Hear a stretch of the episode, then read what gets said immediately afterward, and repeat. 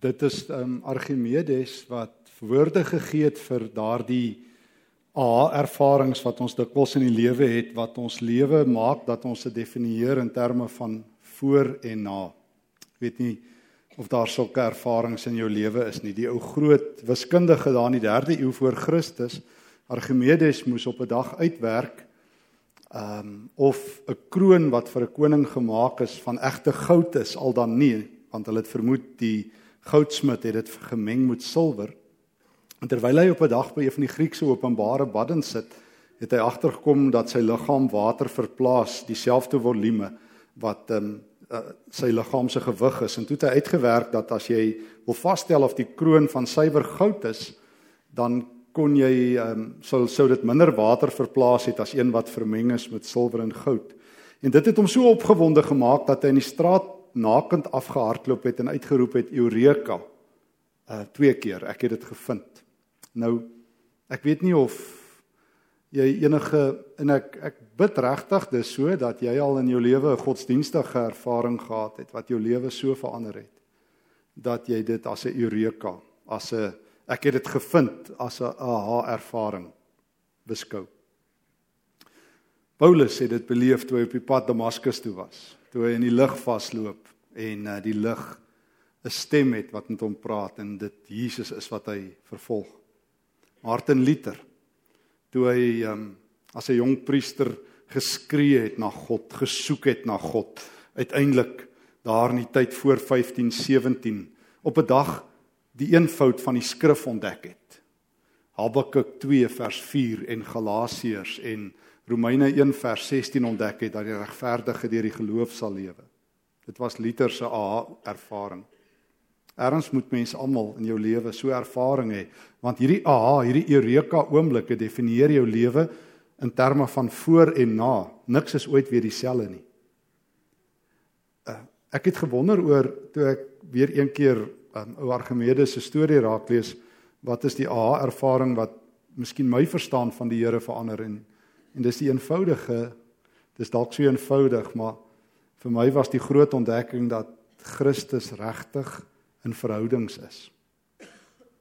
Want um, ek het ontdek alle godsdiens is eintlik net reël gebonde. By wyse van spreuke toe die groot Boeddha gesterf het, was die beste wat hy vir sy volgelinge kon sê, hou my gebooie. Hulle sê dat Mohammed iets soortgelyk gesê het toe hy gesterf het. Hou die Koran, hou die voorskrifte wat ek vir julle gegee het. Jesus is die enigste Here wat ooit gesê het volg my. Alle ander godsdienste sê volg die gebooie.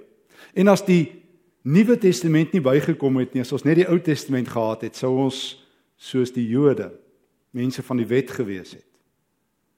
Daar sit tog iets in dat Johannes in Johannes 1 vers 17 sê, die wet het deur Moses gekom, die waarheid en die um, vryspraak, die nuwe lewe het uh, deur Christus gekom. Christendom, Christendom, geliefdes, vriende, is 'n verhouding. Jesus het nooit gesê volg my gebooie in die eerste plek nie. Hy sê dit ook, maar die interessante is wanneer Jesus dit sê, elke keer wanneer hy dit sê, trek hy jou in 'n sirkel in, 'n sirkelargument. Soos in Johannes 15 sê julle moet my gebooie gehoorsaam en my gebod is dat julle mekaar moet lief hê. Dis alweer 'n verhouding. Johannes 13 sê, dis Jesus se nuwe gebod. So die Christendom, Christendom staan en val by 'n verhouding. En ek moet sê dis die grootste ervaring ooit, want ek weet alle godsdiens hardloop op reëls. En ja, die Christendom het ook reëls, maar die diepte daarvan is gebaseer in 'n verhouding. Christendom gaan oor verhoudings met God en wat deurvloei na ander. En Een van die aangrypendste gelykenisse van Jesus waarby ek saam met jou vanaand wil stil staan is in Matteus 18. Matteus 18 waar Jesus vertel van die God van verhoudings waar hy bietjie vir ons wys waar ons inlei in God se hart in. Nou Jesus homself is die openbaring, is die plan, is die antwoord van God op die pyn van hierdie wêreld die grootste antwoord wat God kan gee. Hoor mooi vriende, die grootste antwoord wat God kan gee op die krisis van hierdie wêreld het 'n naam, Jesus Christus. Diegene wat hierdie geheim ontdek, wat hierdie aha ervaring het, wat saam met Paulus kop aan kop in Jesus vasloop, wat saam met Luther ontdek, die regverdige sal deur die geloof lewe, is die mense wat dit verstaan, wat hierdie geheim ontdek. Wat maak dat hulle lewe net nooit weer dieselfde is nie. Maar hierdie einste Jesus vertel van sy Vader. En die gesprek is 'n baie interessante gesprek en hierdie baie bekende, ehm um, die van julle wat Matteus goed ken, weet Matteus sit al sy leringe of al die leringe van Jesus in vyf sulke groot blokke. Matteus 5 tot 7 die bergrede, Matteus 10 die groot uitstuur van die disippels, Matteus 13 die gelykenisse hier, die groot lering vir hoe gelowiges in die koninkryk en as kerk moet lewe. Een van die drie kere wat die woord kerk in die evangelies voorkom, is hier in Matteus 18. Interessant genoeg gebruik Jesus nie eintlik die woord kerk nie. Dis Paulus en Johannes. Uh Jesus self gebruik dit 3 keer en dit is in Matteus 16 en 18. En dan natuurlik die vyfde lering van Matteus is hoofstuk 4:25. Maar hier in hoofstuk 18 is hy besig om te praat oor kerk wees. En dan sien ek daar in vers 21 het die gesprek gegaan in die rigting want Jesus het nou 'n moeilike ding aangeraak en hy het begin praat oor oor vergifnis. En onmiddellik het Petrus 'n vraag. Here, hoeveel keer moet ek my broer vergewe as hy iets verkeerd gedoen het? Nou ek wil nou nie in die moeilike Grieks van hierdie teks aangaan nie, maar dit is 'n vraag of Petrus gesê het iets teen my en Swan, maar dis nou iets anders. Self 7 keer is sy aanbod. Dis ruim. Joodse rabbies, ek het bietjie gaan kyk, Joodse rabbies, ons kan ten minste ons het ten minste twee rabbynse uitsprake van die rabbies uit daai tyd net na die Nuwe Testament en selfs 'n bietjie vroeër waar twee rabbies op rekord is dat 3 keer is die maksimum van vergifnis. 'n Rabbi met die naam Yeshua ben Yehuda sê as 'n mens een keer teen jou sondig keer vergewe, tweede keer maar 'n derde keer is dit klaar. Hulle het ergens iets uit die boek Amos gebruik waar so 3 en 4 gebruik word om hierdie beginsel vas te maak. Jy vergewe ou 3 keer dan is die wedstryd verby. Dan kan jy dit teen hom of haar hou. Ehm um, So as as Petrus kom met 7, is dit 'n baie ruim aanbod. Want Jesus praat oor vergifnis. En die gesprek is hoe gaan verhoudings vir mense lyk wat saam met God loop? Hoeveel keer moet jy vergewe? En nou antwoord Jesus, ek sê vir jou, nie 7 keer nie. En weer 'n keer is die Grieks 'n bietjie moeilik. Ons vertaal dit 70 maal 7, maar dit kan ook 77 wees. 77 keer. Maar 70 maal 7 ook. Bedoelende Petrus hou op sommetjies maak. Petrus, God is nie 'n wiskundige formule nie. Jy kan nie God vasvang in 'n in 'n resep nie. Jy kan nie sit en tel en sê, "Goed, dit is nou nommer 439. Jy het nou min tyd oor dat ek jou nog kan vergewe." Dit werk nie so nie. Jy hou nie boek nie. En dan vertel Jesus 'n storie. En is ook die enigste Here wat ooit op aarde was wat sy grootste leringe in stories vertel het. Ons het mos nou al van tevore 'n paar keer by gelykenisse stil gestaan. En en, en om dit te te verduidelik sê kom ek vertel jou gou. Jy kan die koninkryk van die hemel ehm um, soos volg voorstel. Kom ek kom ek vat jou gou hemel toe en ek gee jou 'n kyk in God se hart. Want jy Petrus, jy verstaan nie van vergifnis nie, maar ek is seker as ek jou 'n storie vertel, gaan jy verstaan. Jy gaan nie onthou. Want mense onthou stories beter as leerstukke. Né? Nee. Soos ek altyd sê, geen kind vra vir hulle ouers nie aand vertel my 'n lering nie. Of vertel my 'n verslag nie of vertel my 'n kerkraadsvergadering nie. Hulle sê vertel my 'n storie. So Jesus het dit sommer kort pad gevat en gesê ek gaan die kerk bou op goeie stories. Hier kom hy. Kom ons lees. Daarom kan die koninkryk van die hemel vergelyk word met 'n koning wat besluit het om saam met sy amptenare hulle boeke na te gaan. Toe hy daarmee begin, is een amptenaar na hom toe gebring wat miljoene rande geskuld het. 1000 10000 talente. 1000 talente. Nou 'n talent 10000 talente of 1000, hoeveel jy ook al geskuld het, as ons dit bietjie omreken na vandag se geld toe in rande, gaan dit enigiets wees tussen 'n half biljoen rand tot 'n biljoen rand. Dis wat hierdie ou skuld. Ek weet nie wanneer laas jy so baie geskuld nie. Maar dis baie. Dis 'n ou half biljoen rand skuld. 'n Talent Ouens het gewerk in die Romeinse ryk vir 1 denarius op 'n dag. Dit was die standaardbetaling, 1 denarius. En 'n um 10000 denari was so min of meer um 1000 talente. So so 10000 talente is 10000 maal 10000 gee vir jou 'n massiewe bedrag. Dis um amper iets soos 300 jaar se werk deur een ou wat uh, hier ter sprake is. Hy kon dit nie betaal nie. En ehm um, daarom het die koning beveel dat hy dat hy en sy vrou en sy kinders en alles wat hy verkoop en die skuld betaal moet word. Klink ook nogal na 'n ryk man met baie skuld. Die man het voor hom neergeval en gesoebat: "Gee my tog uitstel, ek sal u alles terugbetaal." En hier is die sleutel. Die koning het hom innig jammer gekry. So 'n klompie sondaande gelede het ek gepreek oor 'n Griekse woord splag nietsomai wanneer jou hart breek. Die woord wat die diepste term in die Nuwe Testament is vir emosie wanneer jy medelee het. Dit het ons vir mekaar gesê en ek hoop julle kan onthou, maak so ja nee, ons onthou. Ja, ja, so gaan hy nou werklik waar dit herhaal want ons het dit gehoor, maar goed net terwille van die swakkeres van gees soos ek self. Die Griekse woord splagnitzomai kom uit die ou Griekse wêreld van voor Homeros, daar in die 7de 8de eeu voor Christus toe die ouens die diere se ingewande geoffer het. En later het dit 'n Griekse term geword om die diep roering van jou ingewande uit te druk as jy pyn het, as jy medelee het, as jy hartseer is, as jy diep geruk word dat jou hele liggaam so ruk. Dit is die woord en dit is die Griekse woord wat Jesus gebruik. Nee nee, onthou julle ons het daai aand vir mekaar gesê wanneer Jesus mense in nood sien, splag nie somai hy. Markus 1 as hy daai melaatse sien wat wat voor hom val en sê ek wil net hê u moet my gesond maak. Dan skeer Jesus se hart. As hy Matteus 20 daai uit uit ehm um, ehm um, Kapernaum, nee nie Kapernaum nie, Jerigo uitkom. En hy sien die twee melaatses, twee blindes sit langs die pad. En hulle skree: "Jesus, seun van Dawid, wees ons genadig." En die skare maak hulle stil. Dan stop Jesus. En iets skeer binne in hom. En hy hy kry hulle so jammer.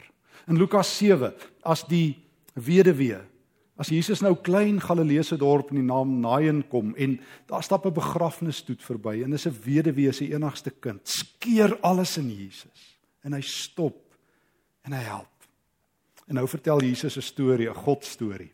Want die vraag is terwyl die Die godsdienstiges hulle godsdienstige formules uitwerk oor hoe vergewe ons en wanneer vergewe ons en wanneer is genoeg genoeg en wanneer is ek klaar vergewe.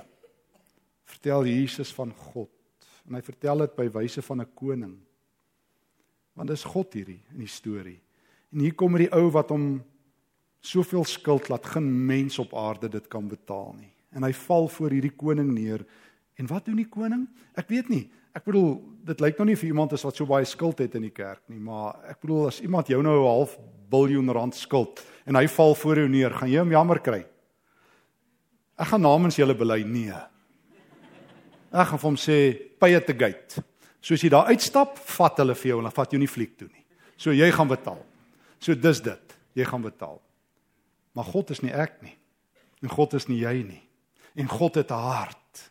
En en God se hart breek as een mens wie se lewe in so 'n gemors is dat hy waaragtig nie kan roer nie voor God neerval en smeek en sê o God wees my genadig dat hy dan staan daar letterlik in die Grieks ons vertaal dit na Afrikaans het hom jammer gekry maar iets in God het gebreek daai dag iets in God het geskeur en hy het gesê dis reg daar staan nie eens dat hy moet terugbetaal nie hy het dit afgeskryf Hy het dit afgeskryf. Hy het gesê dis reg. Jy hoef my nie terug te betaal nie. Ek maak die boek toe. Dit's af. Dit's verby. Jy's vry. Gaan geniet jou lewe. Leef in die lig. Jy het 'n storie om te vertel van 'n koning met hart soos wat daar nie is nie. Hartseer van hierdie storie vers 28 toe die man buite kom het hy van sy amptenare raak geloof wat hom net 'n paar rand geskuld het letterlik 100 denarii staan daar in die Grieks 100 dae se werk Hierdie man het pas 390 jaar se dagloon afgeskei afgeskryf gekry. 'n Ander ou skuld hom 'n halfjaar se geld. En en hoor wat doen hy? Hy het hom gegryp en hom gewurg. Dis nie mooi nie. Hy het hom gegryp en hom gewurg en terwyl die man so gemaak, toe sê hy vir hom betaal. Nou wat kie maak sy ou jou wurg? Jy maar sê dis reg want anders is jy dood. En en en betaal en sy mede-amptenaar het toe voor hom neergeval nadat hy nou gewurg is. Hoe anders, né? Nou, wat kan ek nou maak as hy gewurg is? Neergeval en hy het gesmeek.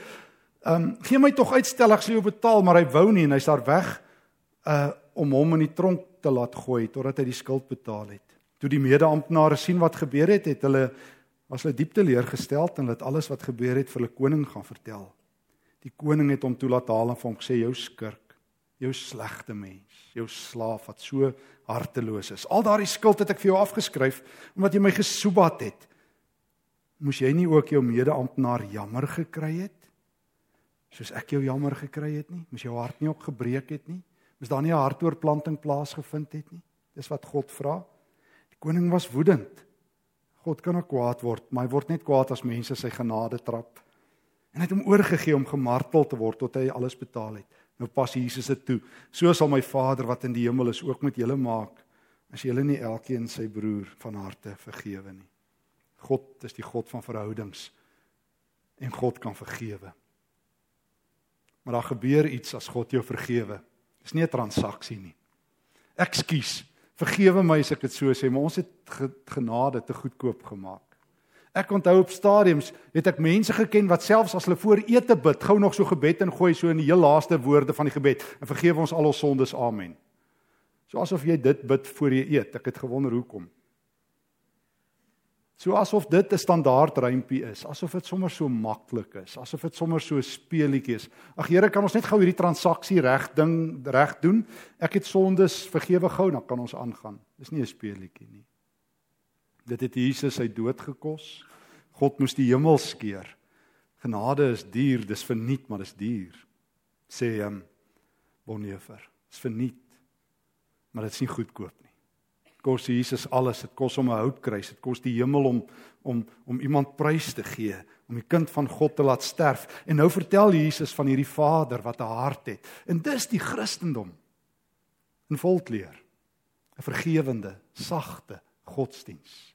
Nie militant nie, nie aan die beklei nie, nie besig om selfmoordenaar bomme in die wêreld los te laat en mense uitmekaar te skiet nie, nie met militante optogte en proteste nie maar met servette en sagte woorde in tweede myle. Want ons het die hart van God veronderstel of dalk nie. Maar dis Jesus se probleem. Hoe kan jy in God glo en God se hart klop nie in jou binneste nie? Dis die vraag. Dis die probleem wat hy het. Jy kan nie as God jou biljoene afskryf honderde teen mense hou God is die God van vergifnis en die Christendom is ruim daarmee. En en en oorstroom die wêreld daarmee en begin oor en voor daarmee. En ek weet dit is waaragtig moeilik in Suid-Afrika. Want hier is baie redes om nie te vergewe nie en om kwaad te wees. Maar die lewe is maar so. En miskien is dit die grootste enkele uitdaging van hierdie gelykenis om in die hart van God in te kom, want self kan jy nie vergewe nie. Kom ons sê dit vir mekaar. Jy kan nie van self vergewe nie, dan moet 'n hartoortplanting kom. Jy het God se hart nodig. Jy het die oë van Jesus nodig om mense te kyk soos hy hulle kyk. Jy het nodig om om om om saam met mense te stap tot jy hulle ingestap het soos God doen, omdat hy hulle jammer kry. Want dis wat God doen, dis wat Jesus doen, dis wat hy sê hy doen in Matteus 18 as Jesus sê hy's die goeie herder. Dan stap hy tot hy sy skape instap, die ou verlore skaapie. En wat doen hy dan? Dan tel hy daai moe skaap op sy skouers en dra die stout skaap wat weggeloop het terug. Hy haal nie 'n rottang uit en sê jy verdien 'n goeie 6 van die bestes omdat jy weggeloop het nie. Hy dra hom terug. Want die skaap is moeg en skaam. Dis hoe God is. Hy vat jou as jy op jou slegste is. Kan ek dit weer sê? Hy vat jou as jy op jou slegste is. Toe Adam en Eva kaal was voor hom het hy hulle gevat. Hy het alles van hulle geweet. Hulle kon niks wegsteek nie. God weet alles van my en hy hou nog van my. Dit bly 'n van die misteries. Dink jy mense sal van jou hou as hulle alles van jou weet? Ons almal het tog geheime. Ons het almal daai kaste wat ons toemaak as ons eerlik is waaroor ons skaam kry. Daar's maar in ons almal se lewe 'n verlede wat ons net bid die Here moet ons vergewe. En tog het God ons lief want hy weet alles. Dis God. As God bereid is om my te vat as ek op my verste geval het, as ek op my diepste geval het, as my sonde op hulle grootste is, as die gemors wat ek aanvang die vreeslikste is, en ek moet 'n half biljoen rand se skuld by hom opdaag en sê Here God, U weet ek het waaragtig niks om te betaal nie. Dan gaan sy hart breek en hy gaan my terugvat as ek opreg voor hom is. Want dis God in vol kleur. Dis die Vader. Daarom sal Jesus aan die kruis as te ware sy dood 'n rukkie breek totdat hy die man aan die kruis terugbring na God toe. Dis Jesus. Ek onthou een keer as 'n jong ouetjie geluister nog, daai jare het ons nog so kassette geluister na 'n Amerikaanse komediant wat 'n rowwe lewe gelei het en toe tot bekering gekom het. Hulle het hom gevra een keer toe hy nou optree toe hulle hoor hy's 'n Christen, toe sê hulle vir hom, "Hoekom het hy 'n Christen geword?" Sê hy wil graag vir hulle die storie vertel. Hy was hierdie rowwe ouetjie wat gedrink het en hy, hy was die klassieke sondaar, die ou wat in die kerk getuig wat sê Al die sondes, ek het dit gedoen. Ek het die lisensie gehad op alle sondes. Dit was hy. As 'n jong ouetjie het hy begin drink, begin dwelms gebruik van dagga na kokain en verskriklike dinge. En toe sê hy weg uit sy ouer huis en hy het in 'n orkes gaan speel. Dit was die jare voor selfone. Sy ma het vir hom probeer uh, uitvind waar is hy en vir hom elke keer briewe geskryf en hy het dit weggegooi. En so het dit aangegaan vir so 15 jaar. En toe op 'n dag vertel hy het hy in sy dwelm beneweldheid bygekom en hy in een oomblik vir homself gesê: "Wat vang ek met my lewe aan?" En hy het op 'n trein geklim en teruggegaan na sy ouer huis toe. Hy vertel sy ouers het regoorkant hulle huis 'n park gehad. En hy het met sy kinderdae daar gespeel. En hy het geweet sy ma het altyd vir hom 'n sleutel onder die posbus vasgeplak. En um, hy het na die posbus toe gestap want hy het geweet hulle is by die werk en hy het gevoel in daardie sleutel gesit en 'n briefie. En hy het die briefie uitgehaal en die briefie het gelui: "Welcome home, son. Your food is in the oven. Your bed waits for you." En hy het die briefie en hy het na die huis gekyk en die briefie teruggevou en dit teruggeplak en in die park gaan bly. En hy sê hy het gesien laatmiddag hoe sy pa van die werk af kom en met sy kar stop en na die posbus toe stap soos hy later van hom sê het hy vir die afgelope 15 jaar doen gevoel het of die sleutel daar is in die briefie. En dan gestap huis toe en hy het nie die moed gehad om in te gaan nie en hy sê hy het aan daai veld in die parkie gesit en kyk hoe sy ouers eet en die lig afsit en uiteindelik gaan slaap en toe het hy gedink hy moet in sy ouer huis instap. Sleutel gaan haal, oopgesluit en daar was 'n bord kos in die oond. Want vir die afgelope 15 jaar het sy ma elke dag 'n bord kos gemaak vir haar kind wat sal terugkom. En sy het vir 15 jaar sy bed opgemaak elke dag soos hy daarvan gehou het as 'n jong seun en sy bed vir hom op 'n sekere manier oor oopgevou want sê nou net die kind kom terug. En hy het nie kom bys ingestap en die bord kos uitgehaal dit was vir hom soos net bonatuurlik. En hy het ingestap in sy kamer en toe het sy pa gehoor daar's iemand in die huis. En toe hy en sy pa in die gang aan mekaar vasloop het hy en sy pa, sy pa het hy uitgebars in trane en hartstogtelik gehuil en sy pa het hom omhels en hy het begin ekskuus sê vir sy pa en sy pa het vir hom sê son you never were away. Jy was toe nooit weg nie. Jy's welkom. Hy sê en toe daai nag toe hy in sy bed lê toe dink hy dis hoe die Here is en nog baie meer. En toe gaan lees hy en hy ontdek maar God is nog baie genadiger as sy pa. Maar 'n pa wat sy huis en sy arms vir hom oopgegooi het. Dis God. God het die sleutel vir jou geplak onder die hemelse posbus. En daar's 'n brief vir jou geskryf waar hy sê kom terug. Jy het ver gehardloop. Jy's moeg. Jy's stikkend. Jou knieë stikkend geval oor al die gemors in jou lewe. Jy kan nie nog vlug nie. En hy het vir Jesus gestuur as die een man soek geselskap, die goeie herder met sagte salf en liefde om vir jou te sê kom net terug. Ek het vir jou plek. Jy kan nie nog vlug nie. Jy het waaragtige ewigheid om aan my voete te sit. Ons wil jou nie weg hê nie. Ons het gekom sodat die genade van die hemel vir jou bedoel is. En dis wat Jesus vertel van God. En as jy met hierdie God te doen het, dan kan jy waaragtig nooit weer 'n harde hart hê nie. Dan kan jy nie kan jy nie mense vir 100 denarii aan hulle kele gryp nie.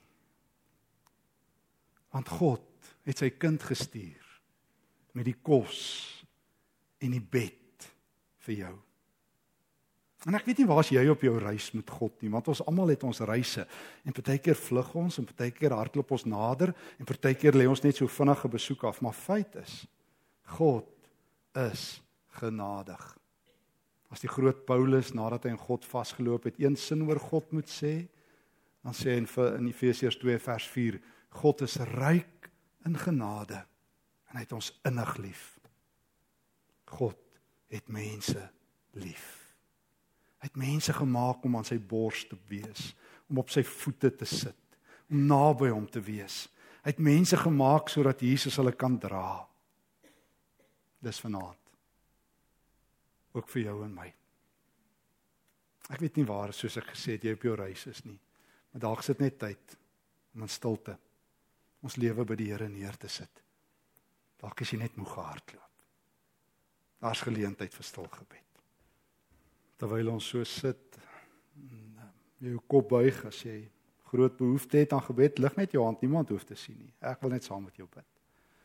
Dankie dankie. Ek wil net saam met jou vir 'n oomblik jou lewe saam by die Here neersit. Baie dankie. Here God u sien hoe lyk my hande um stikkend geval. U weet Here van die de mekaarheid in my hart van die donkerte wat partykeer my lewe omring. Here Jesus, U is die lig en ek het U lig nodig. Here, partykeer het ek ver gehardloop, maar dankie dat U vinniger is. Dat U my ingehardloop het. Here, en vanaand kan ek so my hand sommer so onder die posbus sleutel insit en voel die sleutel van die hemel is daar. En as ek my lewe voor U neersit, Here, dan weet ek sluit U die ewigheid oop en ook vir my hoop. Daarom kom ek nou na U toe, Here. Vir die eerste keer, vir die tweede keer, vir die honderdste keer, hier is ek, Here. En ek het 'n biljoen rand se skuld, miskien 10 biljoen rand se. Maar dankie Here dat U hart vanaand vir my breek. Dis vir my genoeg. Ek kan die res van my lewe en die res van die ewigheid leef omdat U my jammer kry. In hierdie harde wêreld om te dink dat U die God van die hemel en die aarde dat U hart vir iemand soos ek breek. Dankie Jesus dat U dit vir my kom doen het. En dankie dat ek vanaand in in hierdie aha oomblik U kan beleef in Jesus se naam. Amen.